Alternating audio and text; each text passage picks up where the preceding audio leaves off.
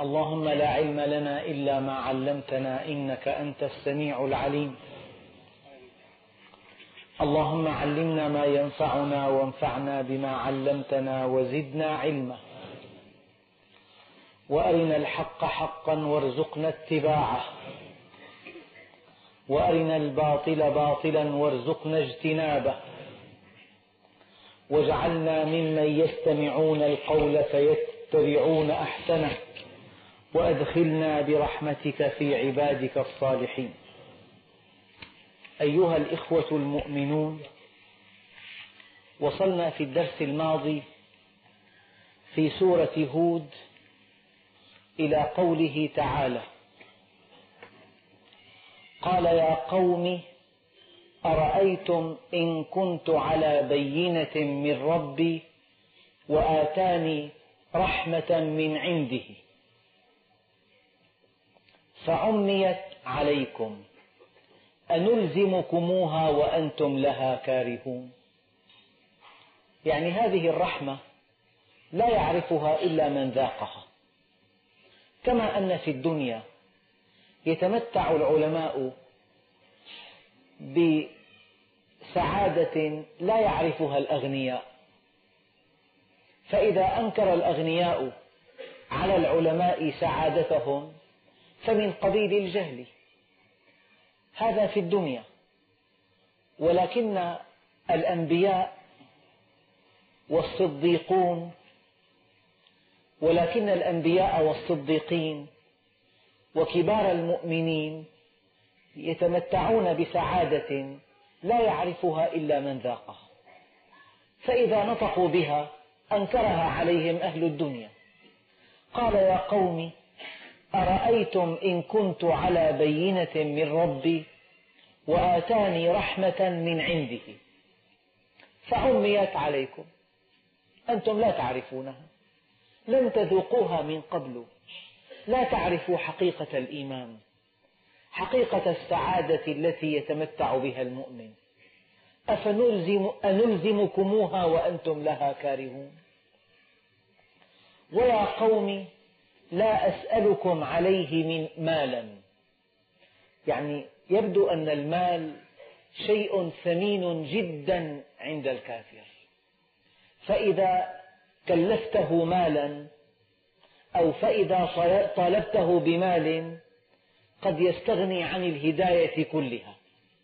لذلك سيدنا نوح طمأنهم إلى أن استجابتكم لهذه الدعوة وإيمانكم بالله سبحانه وتعالى واستماعكم إليه لا يكلفكم مالا.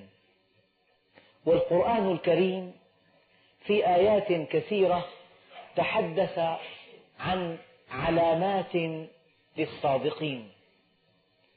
فمن هذه العلامات قال يا قوم اتبعوا المرسلين اتبعوا من لا يسألكم أجرا وهم مهتدون. هذه علامة كبرى على صدق الداعي. لا يسألكم أجرا يعني لا أجرا ماديا ولا معنويا لا مباشرا ولا غير مباشر. ويا قوم لا أسألكم عليه مالا. علامة أخرى من علامات الصدق في الدعوة إلى الله الذين يبلغون رسالات الله ويخشونه ولا يخشون أحدا إلا الله. إذا خشي الداعي غير الله نطق بغير الحق وسكت عن الحق. أي سكت عن الحق ونطق بالباطل. فإذا سكت عن الحق ونطق بالباطل فماذا بقي من تبليغ رسالات الله؟ لم يبق شيء. علامة ثالثة. العلامة الأولى قال يا قوم اتبعوا المرسلين اتبعوا من لا يسألكم أجرا وهم مهتدون. العلامة الثانية الذين يبلغون رسالات الله ويخشونه ولا يخشون أحدا إلا الله. العلامة الثالثة قل هذه سبيلي أدعو إلى الله على بصيرة أنا ومن اتبعني. فعلامة المتبع لرسول الله صلى الله عليه وسلم أنه يدعوك على بصيرة. الأمور واضحة تماما. الهدف من الخلق واضح. هناك انسجام بين الآيات. هناك انسجام بين الآيات وبين الأحاديث. هناك هدف كبير يوضحه لك. هناك شرائع دقيقة يبينها لك. هناك تعليلات منطقية للعبادات. قل هذه سبيلي أدعو إلى الله على بصيرة أنا ومن اتبعني. هذه العلامة الثالثة. وأما العلامة الرابعة فقوله تعالى آه، يقول الله عز وجل شهد الله أنه لا إله إلا هو والملائكة وأولو العلم قائما بالقسط. العالم الصحيح هو الذي يشهد لك عدالته ويشهد لك أسماءه الحسنى.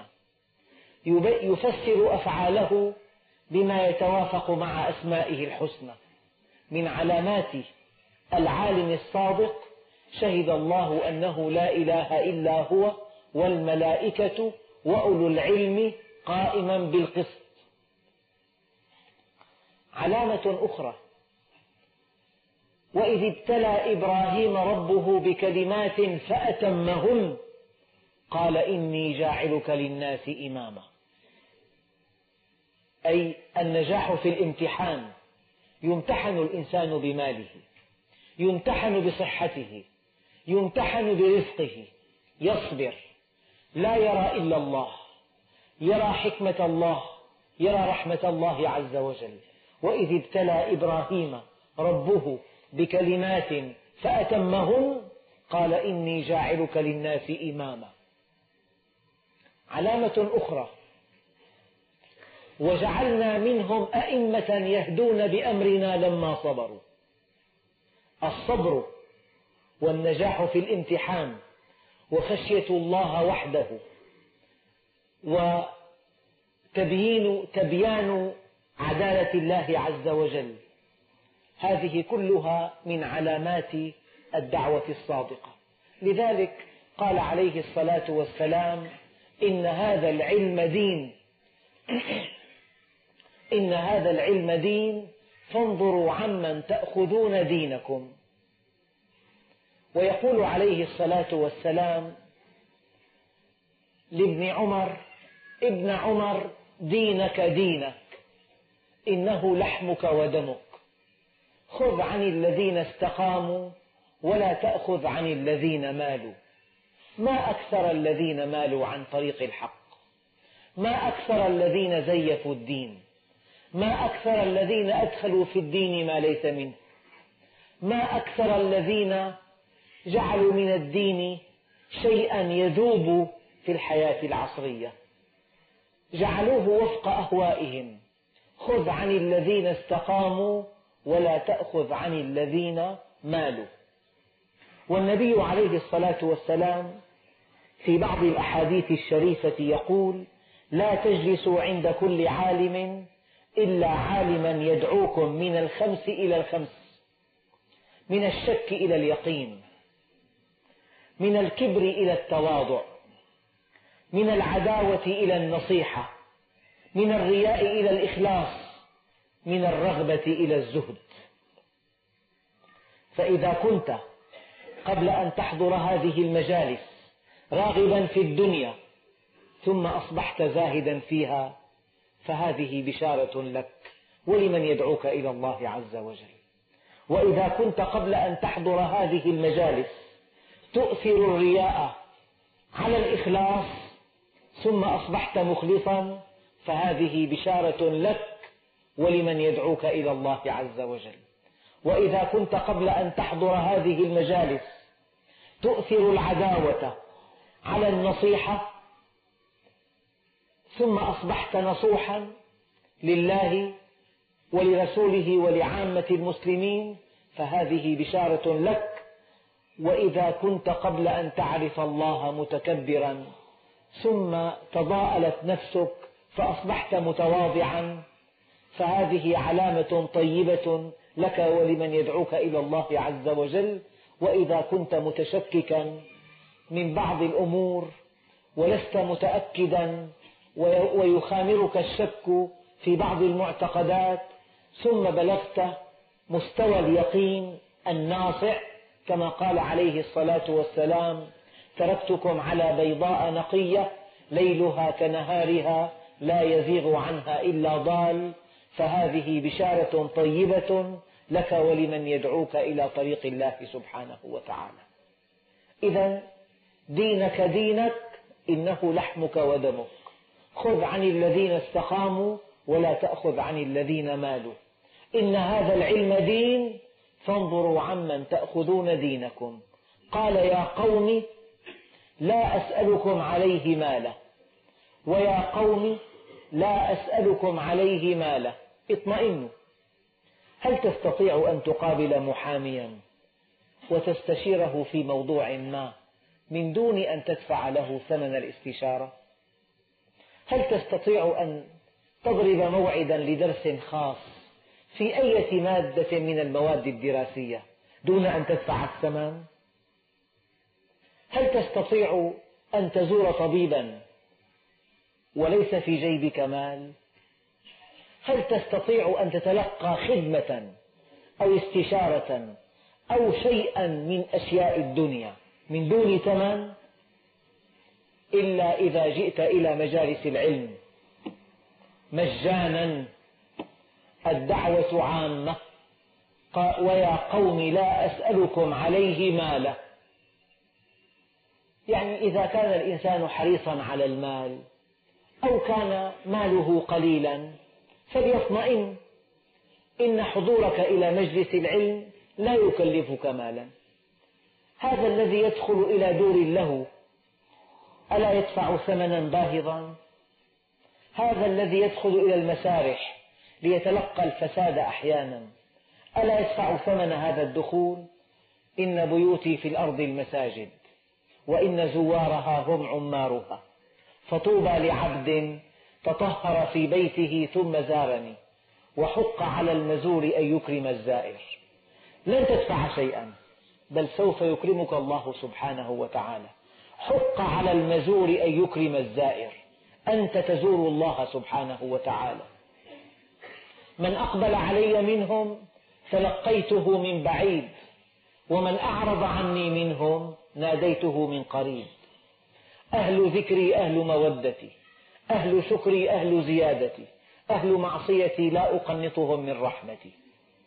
إن تابوا فأنا حبيبهم وإن لم يتوبوا فأنا طبيبهم. إذا رجع العبد إلى الله عز وجل نادى مناد في السماوات والأرض أن هنئوا فلانا فقد اصطلح مع الله. ويا قوم لا أسألكم عليه مالا. مالكم دعوه لكم. لا أسألكم عليه مالا. إن أجري إلا على الله وما أنا بطارد الذين آمنوا. هناك عقبتان. العقبة الأولى خوف هؤلاء الكفار في عهد نوح أن يكون هناك التزام مالي. فجاءت الآية وبشرتهم بأن التزاما ماليا ليس موجودا إطلاقا. ليس هناك التزام مالي. بقي عقبة ثانية. أن هؤلاء الكبراء هؤلاء الأغنياء هؤلاء الوجهاء الذين ينغمسون في النعيم إذا حضروا مجلس نوح عليه السلام يترفعون أن يجلسوا مع الصغراء مع الفقراء. مع الضعفاء مع أراذل القوم بالمعنى اللغوي.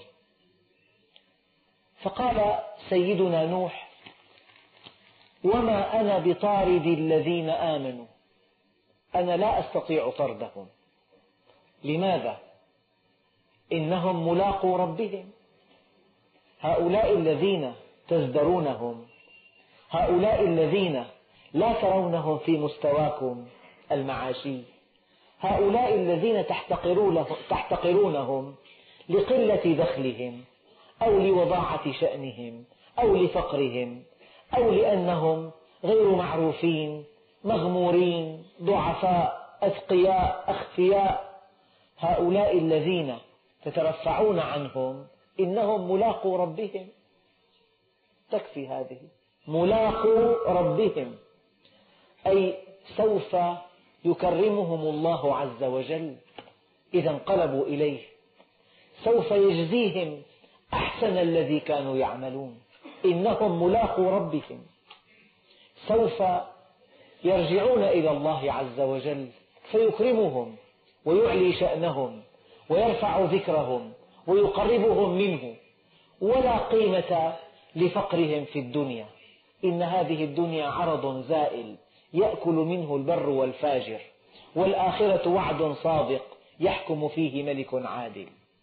والذي نفس محمد بيده ما بعد الدنيا من دار إلا الجنة أو النار.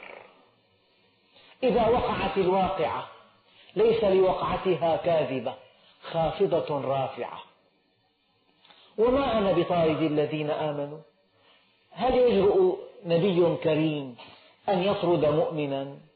لفقره أو لأنه مغمور غير مشكور أو لأنه يعني من طبقة اجتماعية دنيا أو لأن له حرفة يترفع عنها الغني. أي عمل شريف؟ الشرف أن تطيع الله عز وجل والدناءة أن تعصيه. وما أنا بطارد الذين آمنوا إنهم ملاقو ربهم. هؤلاء على موعد مع الله عز وجل. هؤلاء سوف يرحمهم الله سوف يكرمهم سوف, يصبح سوف يصبحون في الآخرة أعلاما سوف يتألق نجمهم في سماء الآخرة. هؤلاء ملوك الدار الآخرة إنهم ملاقو ربهم. هذا المعنى الأول. المعنى الثاني إنهم ملاقو ربهم. نحن نحكم بالظاهر. والله يتولى السرائر. يبدو لي منهم أنهم صادقون أنهم مخلصون أنهم مطيعون. ولا علمي بما تنطوي عليه.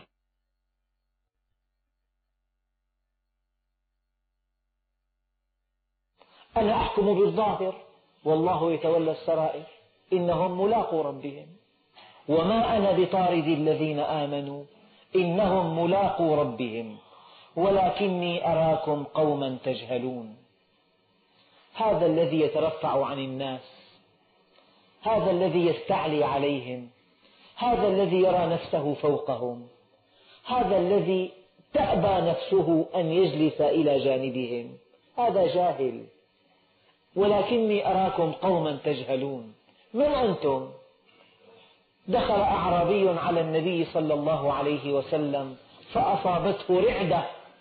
من شدة الهيبة. فقال هون عليك. إنما أنا ابن امرأة من قريش كانت تأكل القديد بمكة.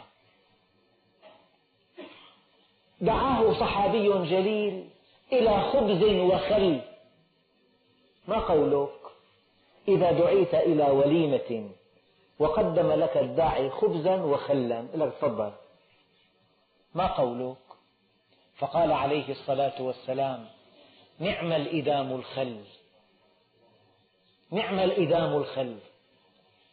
قال عليه الصلاة والسلام من باب التواضع لو دعيت إلى كراع لأجبت. في رواية أخرى لو دعيت إلى كراع في مكان نائم بما معنى الحديث يعني في أطراف المدينة لو واحد دعاني من طرف المدينة على كراع لأجبت. حينما دخل مكة فاتحا دخلها مطأطئ الرأس. حينما سمع رجلا يقول لرجل يا ابن السوداء قال إنك امرؤ فيك جاهلية. هذا هو الإسلام. حينما قيل للنبي الكريم مثل بهم هؤلاء الذين أخرجوك كذبوك ائتمروا على قتلك. قال لا أمثل بهم فيمثل الله بي ولو كنت نبيا. هكذا. ولكني أراكم قوما تجهلون. هذا الذي يرى نفسه فوق الناس جاهل. دع في نفسك هذه الحقيقة. هذا الذي تراه دونك قد يكون فوقك يوم القيامة. هذا الذي تراه دونك مالا أو دونك جاها أو دونك صحة أو دونك شأنا قد يكون فوقك يوم القيامة. من يدري؟ ولكني أراكم قوما تجهلون. من علامة المؤمن التواضع ولا يدخل الجنة من كان في قلبه مثقال ذرة من كبر. المتكبر جاهل لأنه لم يرى, لم يرى عظمة الله عز وجل. ويا قوم من ينصرني من الله إن طردتهم؟ إن طردتهم لأرضيكم أتحمونني من الله عز وجل؟ رجل أرسل إلى سيدنا عمر بن الخطاب كتابا قال فيه أما بعد فإن أناسا قد اغتصبوا مالا ليس لهم. لست أقدر على استخراجه منهم إلا أن أمسهم بالعذاب فإن أذنت لي فعلت. فقال سيدنا عمر يا سبحان الله أتستأذنني في تعذيب بشر؟ أنا أستأذن في هذا الموضوع. وهل أنا لك حصن من عذاب الله؟ وهل رضائي عنك ينجيك من سخط الله؟ أقم عليهم البينة فإن قامت فخذهم بالبينة ثم ادعهم إلى الإقرار فإن أقروا فخذهم بإقرارهم ثم ادعهم لحلف اليمين فإن حلفوا فأطلق سراحهم. ويم الله لأن يلقوا الله بخياناتهم أهون من أن ألقى الله بدمائهم. من أنا حتى تستأذنني في تعذيبهم. ويا قوم من ينصرني من الله إن طردتهم؟ يعني إذا استعليت على إنسان يبدو أن رجلا غنيا طرق بابه سائل وكان يأكل دجاجا فهمت زوجته أن تعطيه شيئا من الدجاج فنهرها وقالت طرديه طردته تنفيذا لأمره. بعد سنوات عدة نشب خلاف بين الزوجين وطلقها وأكرمها الله بزوج آخر أفضل منه وعاشت معه سنوات. وبينما هما جالسان يتناولان دجاجا إذ طرق الباب طارق. فذهبت لتفتح الباب فعادت مضطربة. قال من, من, من الطارق؟ قال السائل. لماذا اضطربت؟ قالت أتدري من السائل؟ إنه زوجي الأول. فقال أتدرين من أنا؟ أنا السائل الأول. امرأة أرادت أن تغيظ ضرتها. قالت لها في بطني ولد وعلى يدي ولد طبعا ذكر صبي وفي وعلى الأرض ولد لها ثلاث صبية وضرتها عاقر لا تلد. لم تمض سنوات حتى مات الولد الأول والثاني والثالث ورزق الله ضرتها. صبيا أول وثان وثالث. قال عليه الصلاة والسلام الذنب شؤم على غير صاحبه. إن ذكره فقد اغتابه وإن عيره ابتلي به وإن رضي به شاركه في الإثم. إن ذكره فقد اغتابه وإن عيره ابتلي به. وإن رضي به فقد شاركه في الإثم. ويا قوم من ينصرني من الله إن طردتهم؟ يعني إذا كان رددت سائل هل تعرف ما سيكون؟ هل تعرف؟ الله أعلم. الذي أعطاك المال يأخذه منك. أتدري من السائل؟ قالت زوجي الأول. أتدرين من أنا؟ أنا السائل الأول. ويا قوم من ينصرني من الله إن طردتهم أفلا تذكرون؟ ولا أقول لكم عندي خزائن الله. شوف شوف النظرة الموضوعية. هذا الذي يوهم الناس أنه فوق البشر. مرائي. ولا أقول لكم عندي خزائن الله. لا أملك شيئا. لست غنيا ولا أستطيع أن أمنح الغنى لأحد. لست غنيا ولا أستطيع أن أمنح الغنى لأحد. الخزائن ليست عندي عند الله عز وجل وإن من شيء إلا عندنا خزائنه. ولا أقول لكم عندي خزائن الله. ولا أعلم الغيب. هذا ادعاء لا يعلم الغيب إلا الله. من أتى كاهنا فصدقه فقد كفر. من أتى ساحرا فلم يصدقه لم تقبل له صلاة أربعين صباحا. لأنه لا أحد يعلم الغيب إلا الله. يعني أقرأ أحيانا في بعض الدول شخصيات كبيرة جدا تذهب إلى بعض المنجمات. وتسألها عن المستقبل. وقد يحمل هذا السائل دكتوراه مثلا. شيء مضحك. أن يكون الإنسان محصلا شهادة عالية في الدنيا ويذهب إلى منجمة ليطمئن من خلال كلامها عن مستقبله. ولا أقول لكم عندي خزائن الله. ولا أعلم الغيب. ولا أقول إني ملك. يعني أنا لا أنكر بشريتي أنا بشر. يعني أجوع أعطش أتعب أمشي في الأسواق آكل الطعام. اللهم إني بشر أرضى كما يرضى البشر أغضب كما يغضب البشر. حينما كان الغزو في أيام الصيام أفطر النبي عليه الصلاة والسلام لأنه بشر. صلى مرة قاعدا لأنه بشر. غضب مرة لأنه بشر. اللهم إني بشر أنسى كما ينسى البشر. لعل أحدكم ألحن بحجته من الآخر. فأحكم له فأقضي له فإذا قضيت له فإنما أقضي له بقطعة من نار. سيدنا نوح يعني أعطى حجمه الحقيقي. لست غنيا ولن أستطيع أن أمنح الغنى لأحد. ولا أعلم الغيب ولا أدعي أنني فوق البشر إنني بشر.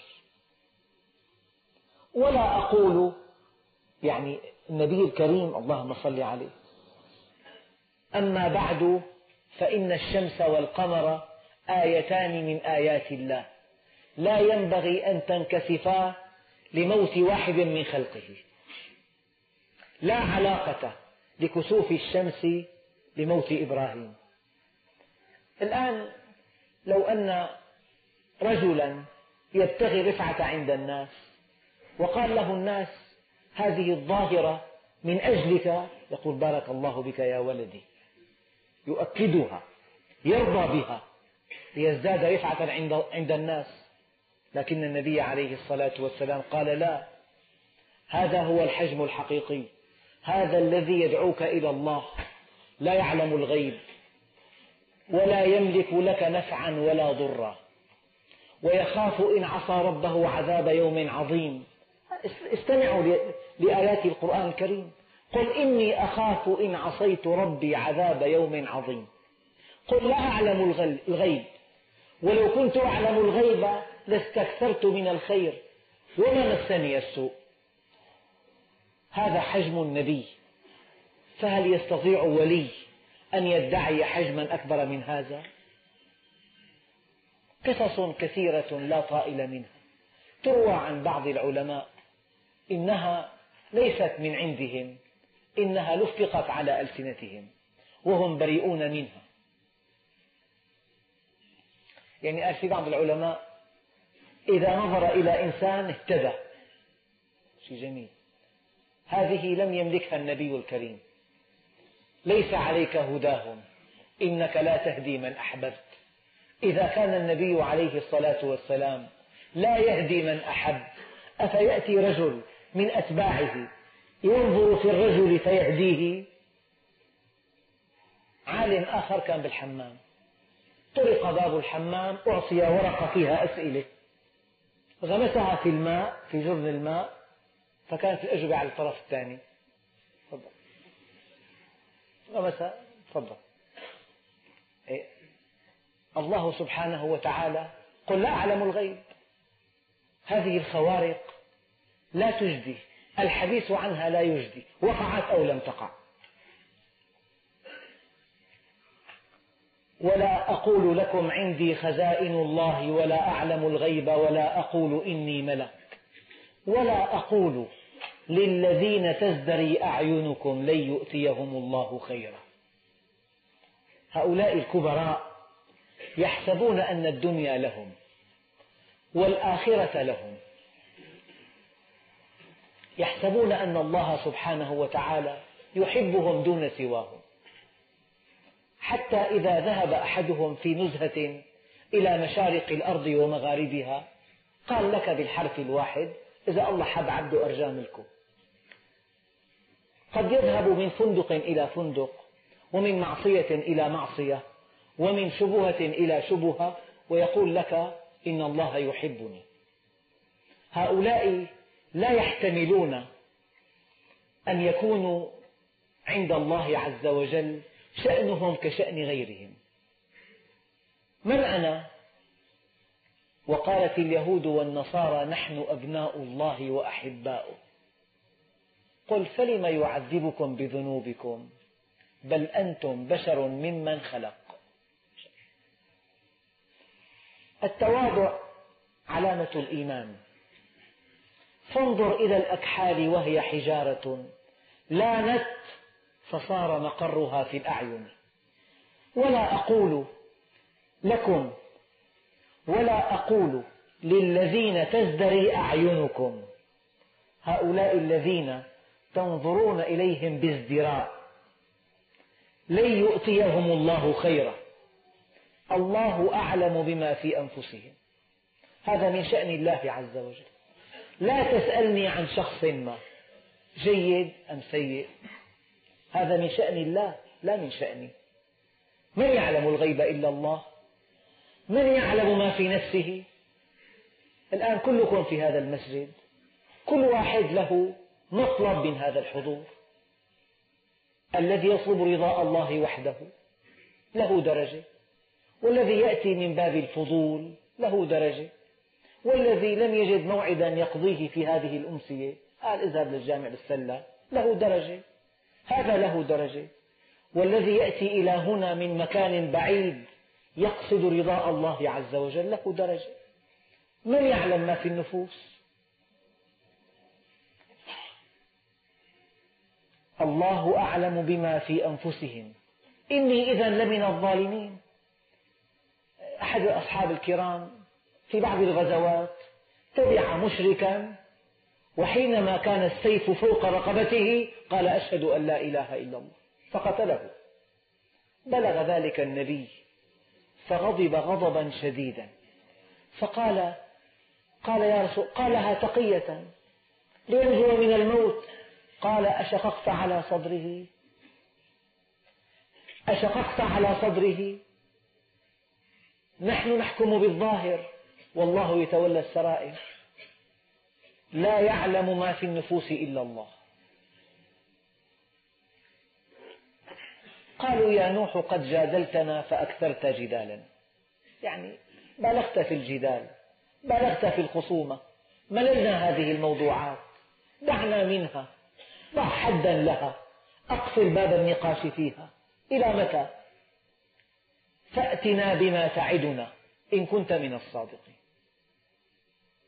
وحينما يفلس الإنسان فكريا يلجأ إلى وسيلة أخرى يا إلى التهكم أو إلى الضرب.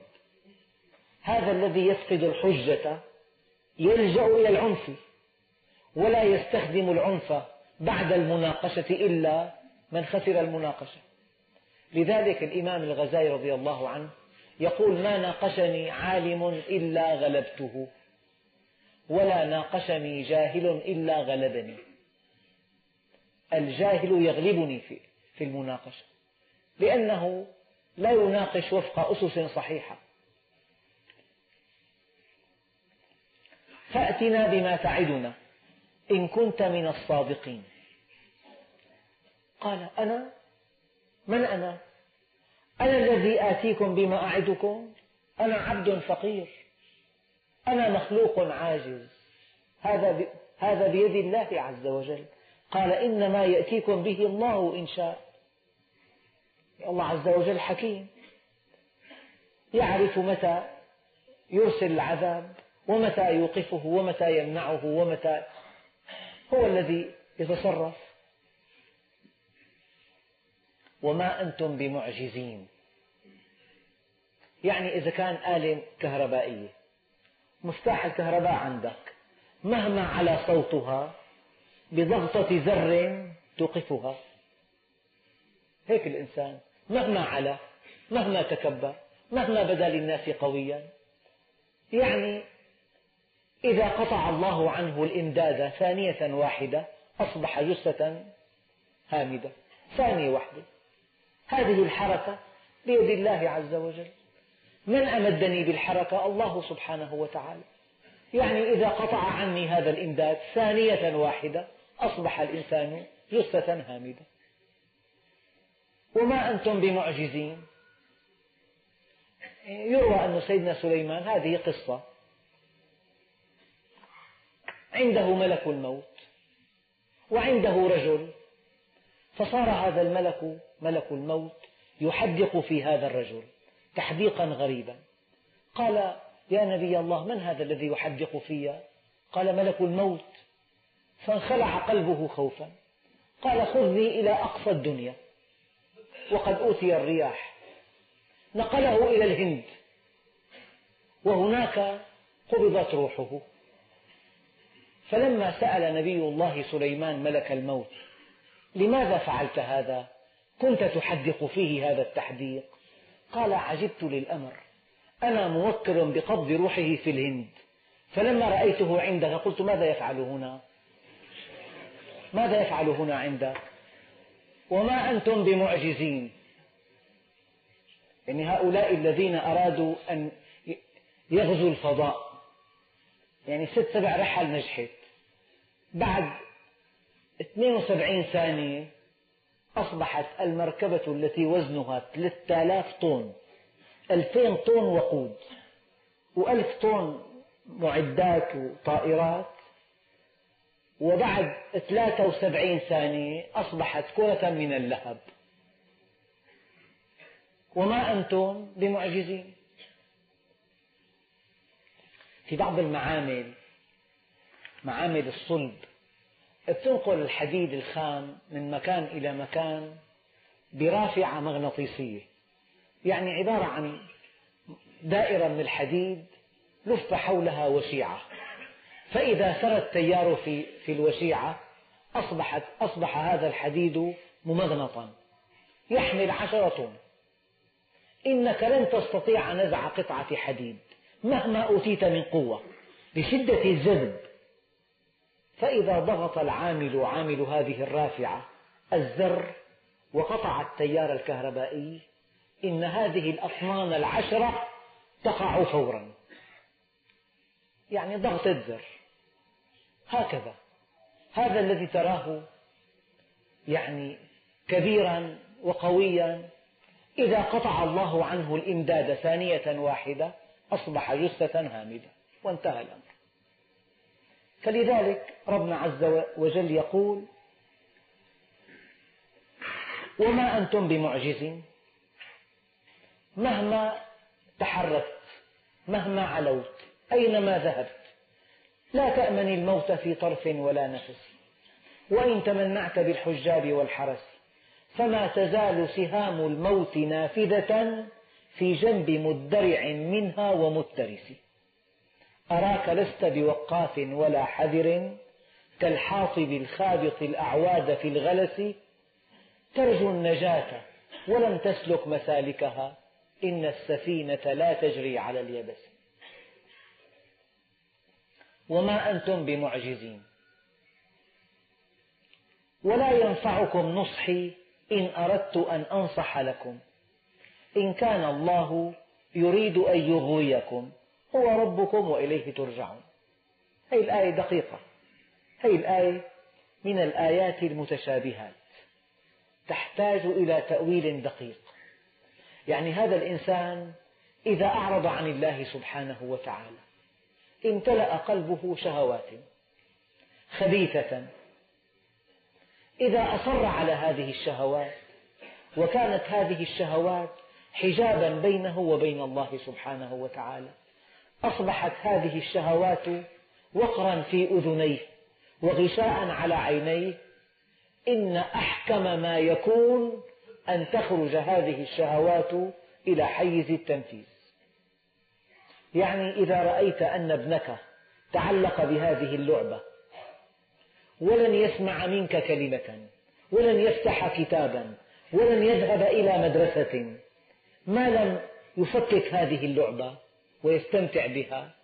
أنت كأب مرب ترى أنه من الأنسب أن تعطيه سؤله لتشفيه من هذه الشهوة. إذا شفي منها عندئذ يصغي إليك. فقد تقتضي حكمة الله سبحانه وتعالى لإنسان أصر على المعصية وتشبث بها وجعلها كل همه أن يعينه الله على تنفيذ هذه الشهوة.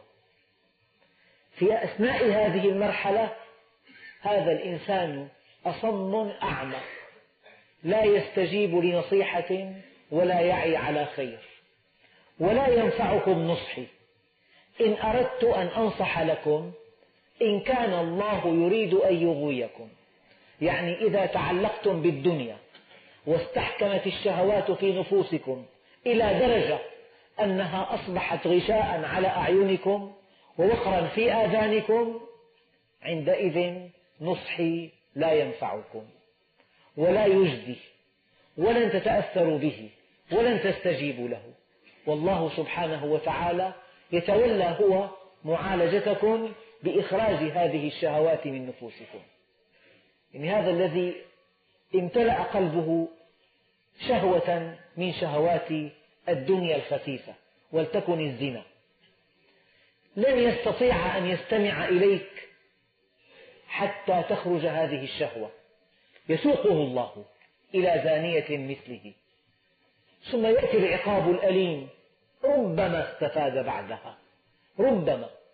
إذا أخرج الإنسان شهوته التي أصر عليها ثم جاءه العلاج الأليم ربما تاب وربما أصغى للحق.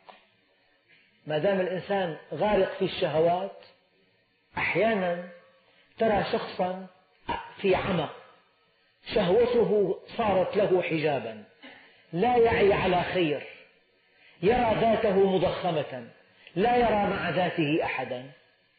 هذا لا يجديه النصح حتى تخرج هذه الشهوة الخسيسة من نفسه عندئذ يصغي. ولا ينفعكم نصحي. إن أردت أن أنصح لكم إن كان الله يريد أن يغويكم.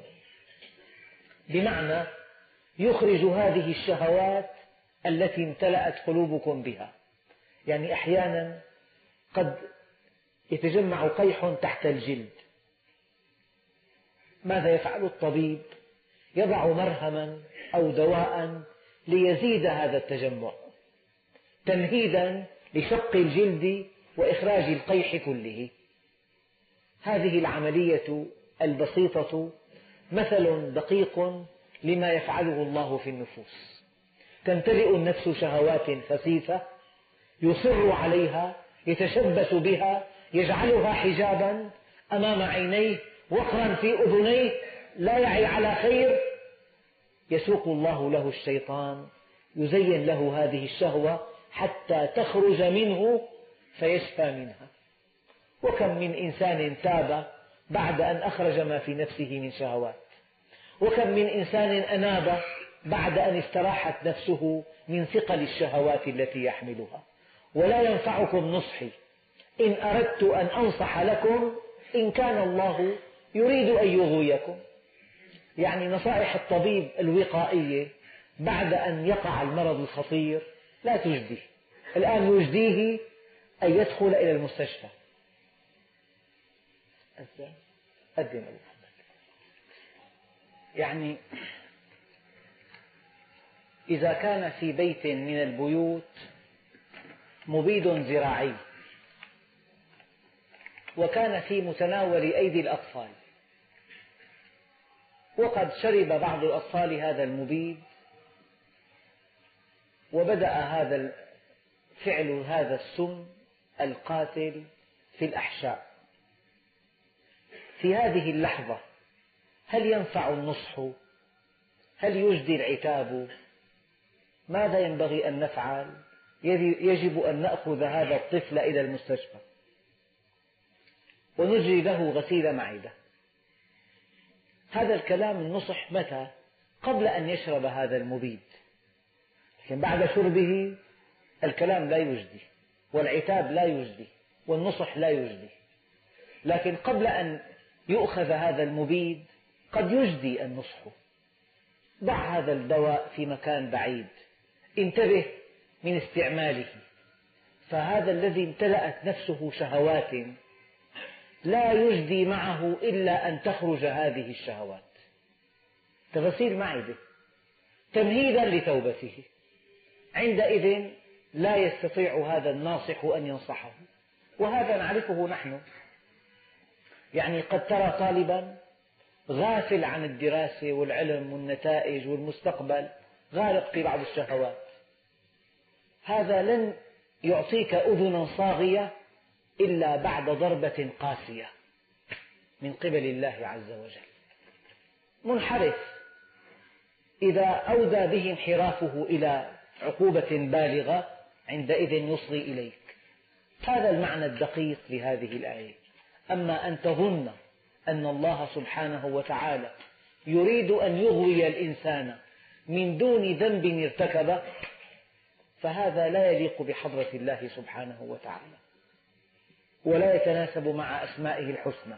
والدليل قوله تعالى فلما زاغوا أزاغ الله قلوبهم والله لا يهدي القوم الفاسقين. لأنهم فاسقون زاغوا ولما زاغوا أزاغ الله قلوبهم. هذه الآية تقترب من هذه الآية. ولا ينفعكم نصحي إن أردت أن أنصح لكم إن كان الله يريد أن يغويكم هو ربكم. دقة القرآن هو ربكم. يعني إذا قلنا إذا شاءت الأم أن تمنع ابنها الطعام اللذيذ فهي أمه. فهي أمه. أقرب الناس إليه. أكثرها عطفا عليه. أكثرها حنانا. يعني ما من أحد يحبه كمثلها. فهي أمه. هو ربكم. لم ينتبه بعض الناس إلى هذا التعقيد ولا ينفعكم نصحي. إن أردت أن أنصح لكم إن كان الله يريد أن يغويكم هو ربكم. هو الذي يرعاكم يعني. هو الذي يربيكم. هو الذي يربي نفوسكم. هو الذي يضيق عليكم من أجل صلاحكم. هو الذي يذيقكم هذا العذاب من أجل ألا تقعوا في عذاب أكبر. هو ربكم وإليه ترجعون. يعني كلمة هو ربكم تكفي لإلقاء الضوء على كل هذه الآية. يعني هذا الآن لو فرضنا إنسان صار معه التهاب زايدة. ماذا يفعل أقرب الناس إليه؟ أشد الناس عطفا عليه؟ أكثرهم رحمة به؟ يأخذه إلى المستشفى ليأمر طبيبا ماهرا بفتح بطنه. يخدر يفتح البطن يغمى عليه يسيل الدم تؤخذ هذه الزائدة تستأصل. هو ربكم هذا يفعله الأب الرحيم هذا تفعله الأم هذا ما يفعله الأخ لأنه هو ربكم. هي الإغواء من قبل الله يعني الشفاء. يعني إخراج هذه الشهوات تمهيدا للشفاء. إخراج هذه الشهوات تمهيدا للشفاء. إذا في هذه المرحلة مرحلة إجراء العملية الجراحية لا ينفع النصح.